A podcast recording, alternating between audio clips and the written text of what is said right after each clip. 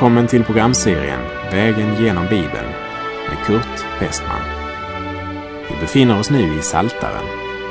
Slå gärna upp din bibel och följ med. Programmet är producerat av Norea Radio Sverige.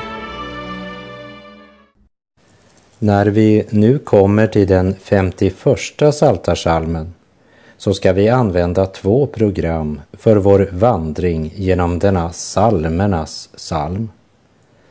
Den är den mest gripande av alla salmer i hela Saltaren. Inledningen ger oss en förklaring som underlättar mycket när det gäller vår förståelse av denna psalm som är en vägledning och hjälp till sann syndabekännelse. Och det första vi ska lägga märke till i överskriften är orden för sångmästaren. För det säger oss att David skrev inte den här salmen endast för personligt bruk utan också för att användas offentligt vid gudstjänsten. Lägg också märke till att David kommer inte ens med en antydan till ursäkt. Och därför ska också vi inför denna bekännelse inte låta vår blick fastna vid Davids synd utan vid hans vilja till bekännelse och omvändelse. Och en tredje sak som det ligger mig på hjärtat att poängtera, det är salmens profetiska budskap med tanke på Israels folk. Tiden närmar sig med hast då Israels barn med smärta ska begrunda sina gärningar.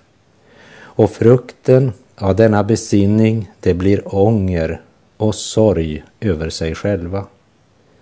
Och då ska en tyngre blodskuld än Davids tas bort från denna nation.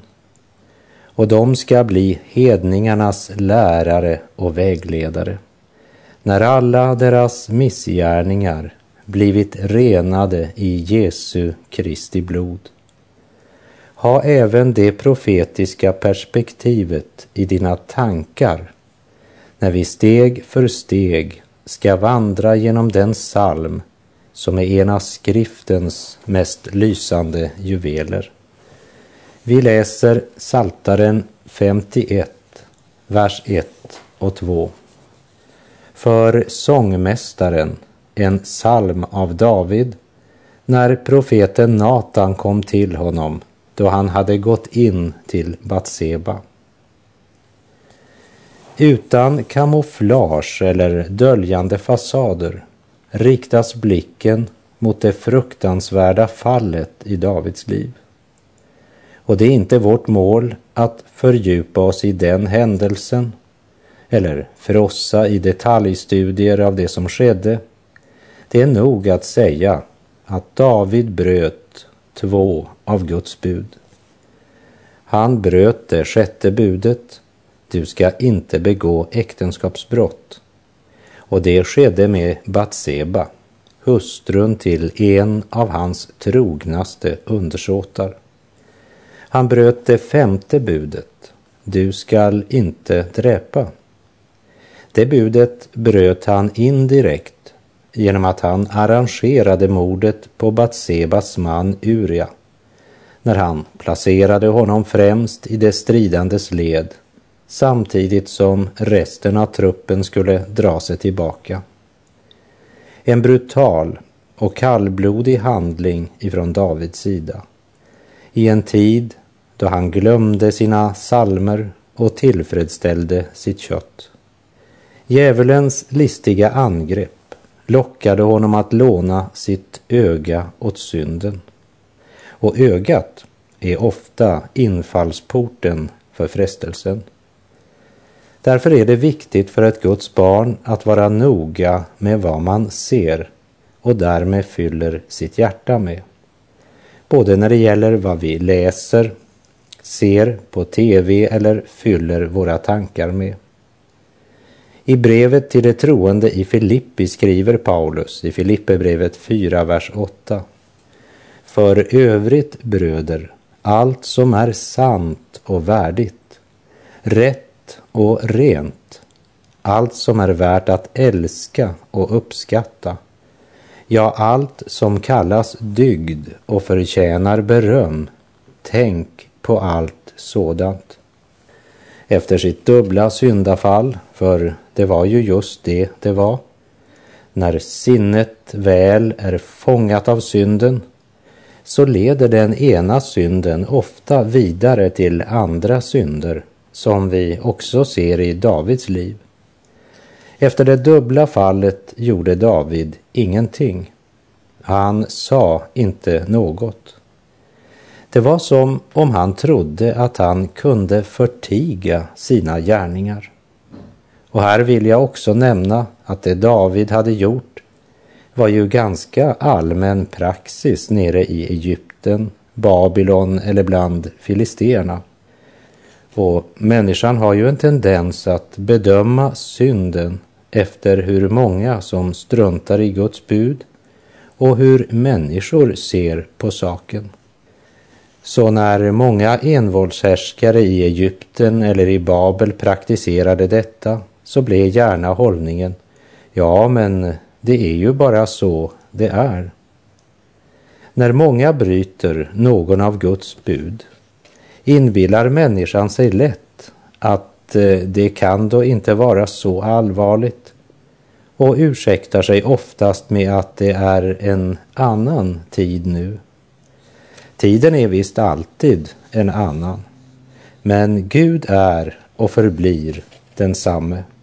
Och det kunde för en tid se ut som om David kunde fortsätta på den väg han hade slagit in på den afton då David hade stigit upp från sin bädd och gick omkring på kungshusets tak och från palatsets tak fick se en kvinna som badade. En kvinna som var mycket vacker att se på, står det i Andra Samuelsbok 11. Och det såg som sagt en stund ut som om David skulle klara det hela genom att täcka över den ena synden med en ny synd. Men låt oss ha det här tindrande klart för oss. David var en gudsman och han kan inte bara fortsätta på den vägen. Faktum är att under den tid då han var tyst så var han en plågad man som bakom den kungliga fasaden på insidan hade en frätande svulst som förtärde honom inifrån. Senare i livet så berättar han vad som verkligen föregick i hans hjärta. I psalm 32 uttrycker David det så här. Så länge jag teg förtvinade mina ben vid min ständiga klagan. Och jag tror att om du hade varit i kungens palats under den tid då han teg och döljde sin synd, så hade du sett honom hastigt åldras. För han genomled bittra kval och säger bland annat Ty dag och natt var din hand tung över mig. Min livssaft försvann som vid sommarhetta.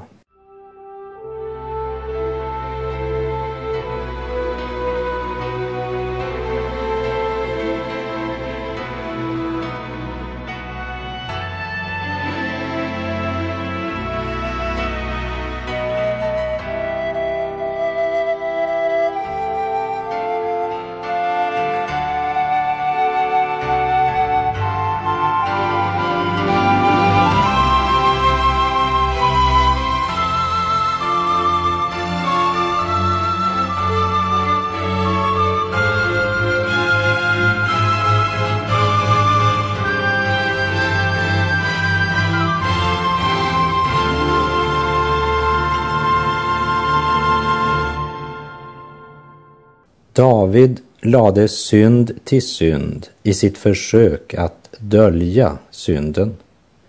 I sitt desperata försök att inte mista ansiktet miste han hjärtat. Men då sänder Gud profeten Natan till David. Och Natan tar upp ämnet genom att berätta följande historia.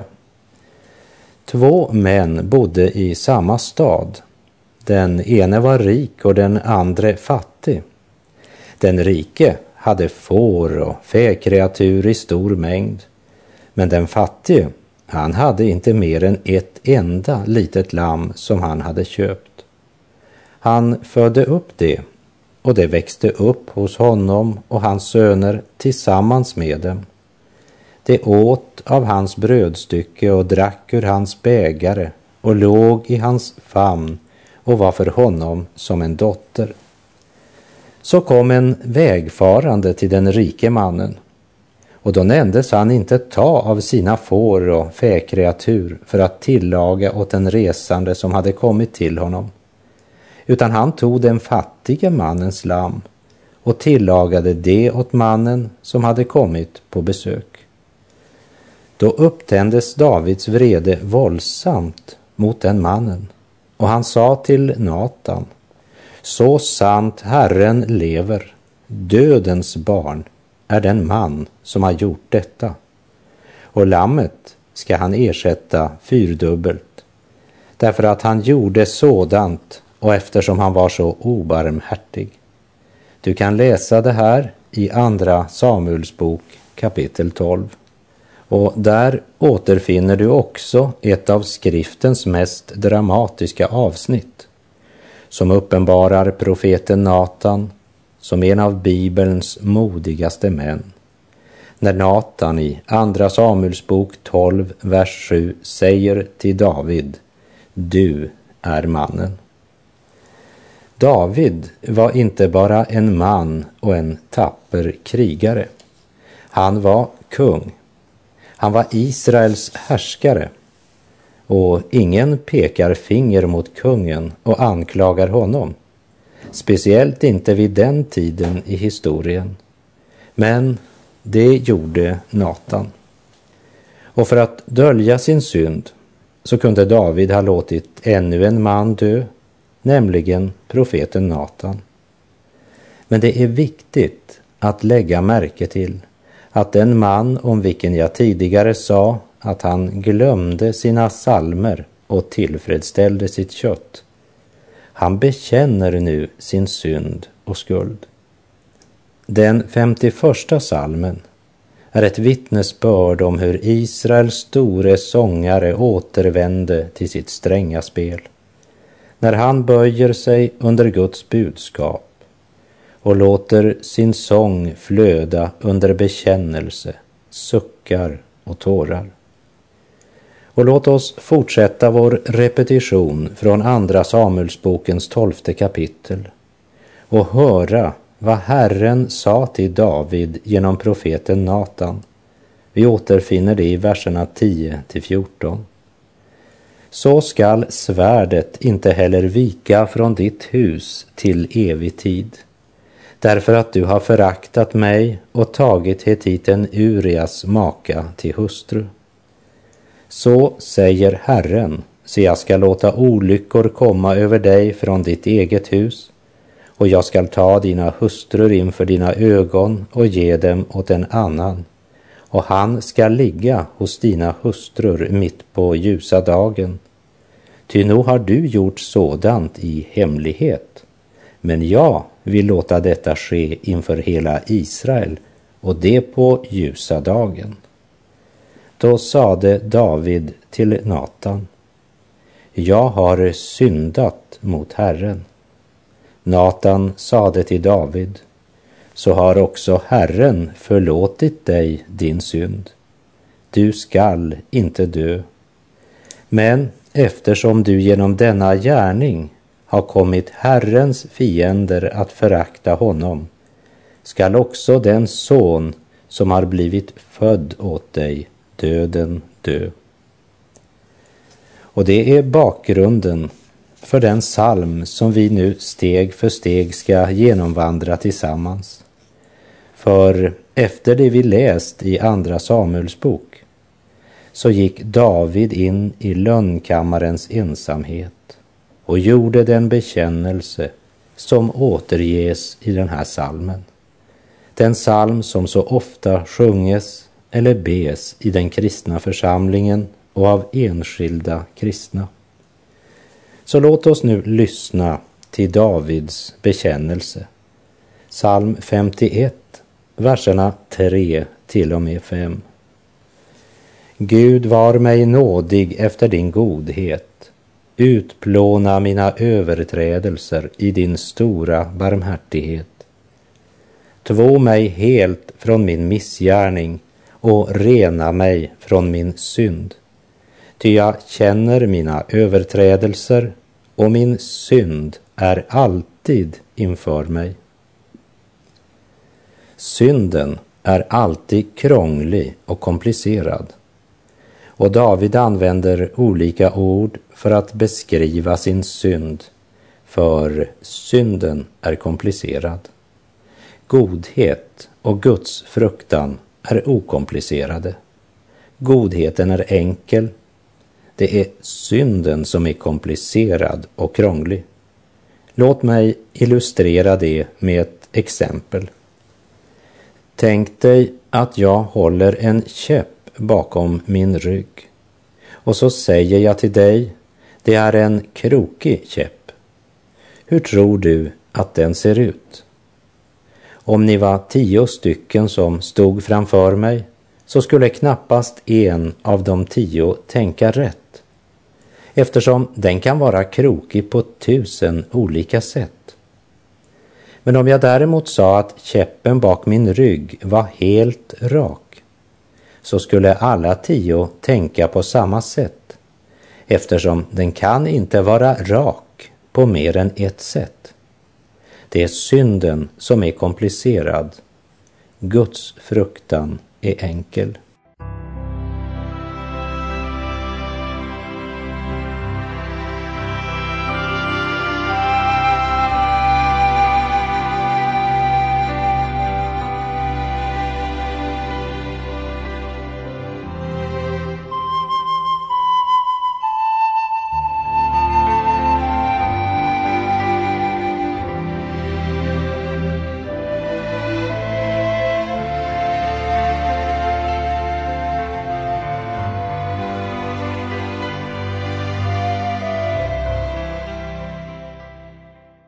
David börjar med orden Gud, var mig nådig efter din godhet. Innan han överhuvudtaget nämner sin synd så vädjar han till Guds nåd. Han har vaknat upp över sin synd och är medveten om sin skuld inför Gud och han vädjar om nåd eftersom syndaförlåtelse alltid är en handling av ren barmhärtighet.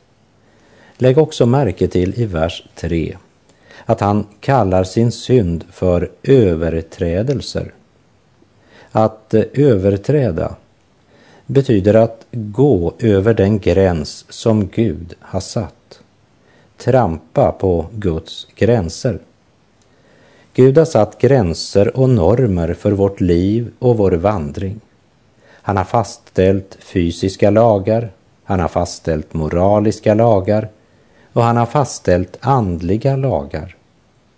Och varje gång en människa bryter de gränser Gud har fastställt så måste han skörda konsekvensen. Att bryta Guds gräns är alltid en överträdelse. Två mig helt från min missgärning. En missgärning det är något som är totalt och fullständigt fel. Det finns ingen ursäkt. Det är en ren missgärning. Det finns inga förmildrande omständigheter. Inga bortförklaringar. Man kan inte överse det. Det är en missgärning. Två mig helt från min missgärning och rena mig från min synd. Synd betyder egentligen att missa målet. Det är saken. Vi håller inte måttet inför Guds krav och ur den synpunkten så är vi alla syndare.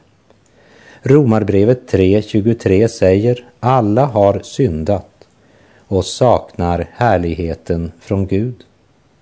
Efter att ha sagt utplåna mina överträdelser så säger han två mig helt. Det är inte nog för honom att synderna utplånas.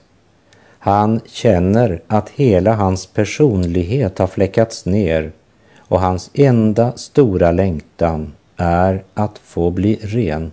Två mig helt och rena mig från min synd. Han talar om något som har förgiftat hans natur. Och han önskar inte bara att bli fri från syndens skuld, men också från syndens makt, så att han kan leva till Guds ära. Ty jag känner mina överträdelser och min synd är alltid inför mig, säger han vidare. Att känna våra överträdelser talar om bekännelse. Jag är fullt klar över att jag har handlat orätt. Felet är mitt. Skulden är min. Att känna min överträdelse är att sätta namn på synden och lägga ner den vid Herrens fötter. Att alltid ha sin synd inför sig talar om bot och bättring. Det talar om att ha respekt för syndens makt. Att fly synden och dagligen säga till sitt hjärta Jag vill idag försaka djävulen och alla hans gärningar.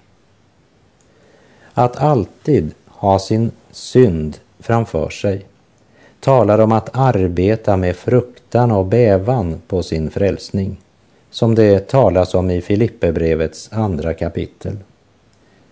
Davids erfarenhet är att hans hjärta har överbevisats om synden i hans eget hjärta och om sin oerhörda skuld. Dörren till den innerliga gemenskapen med Gud var nu stängd.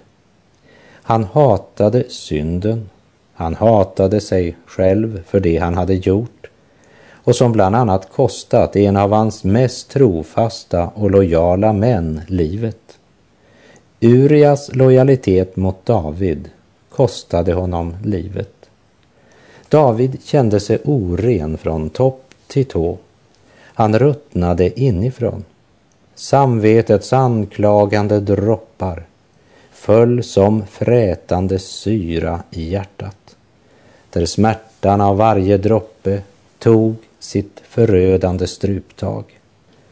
Men det som hade brutit igenom hans försvarsmur när han teg med sin synd och försökte dölja den, det var Guds ord genom profeten Natan.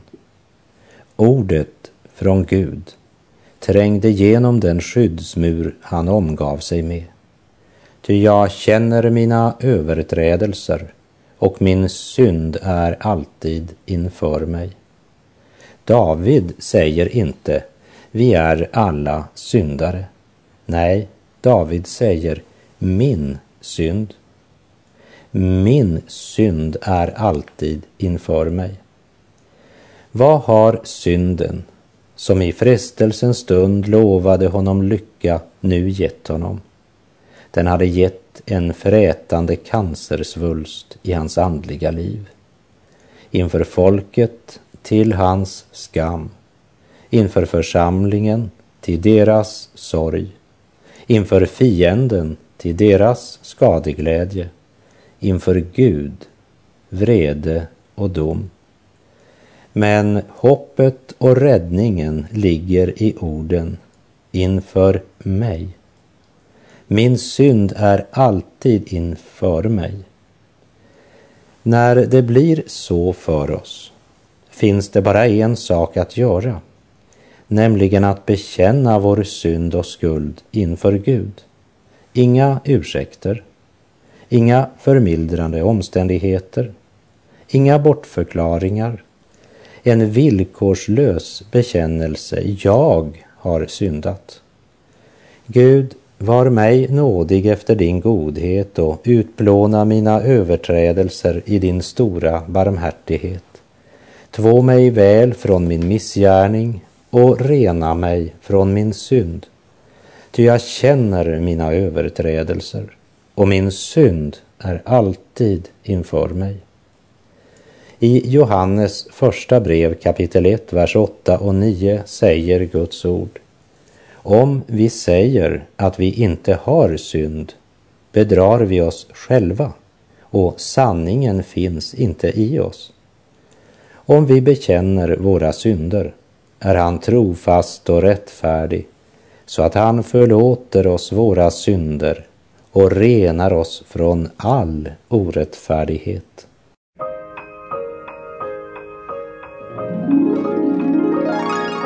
Som en härlig gudomskälla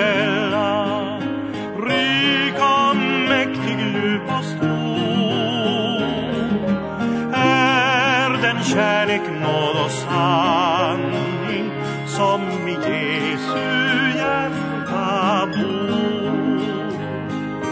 Han har öppnat pärleporten så att jag kan komma in. Genom blodet har han frälst mig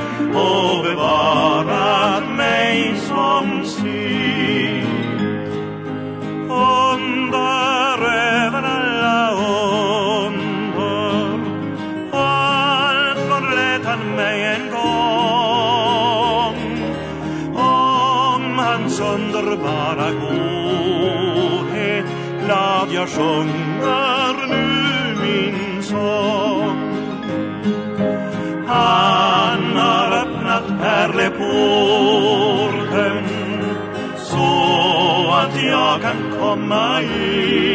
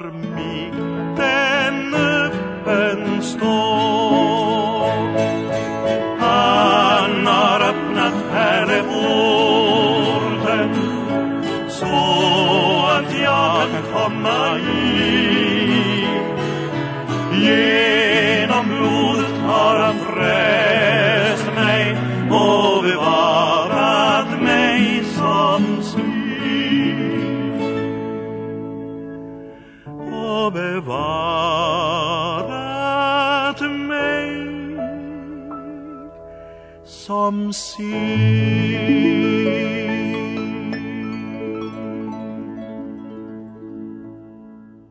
Och med de tonerna från Artur Eriksson så är vår tid ute för den här gången. Så ska vi i nästa program fortsätta vår vandring genom psalm 51 ifrån vers 6. På återhörande om du vill.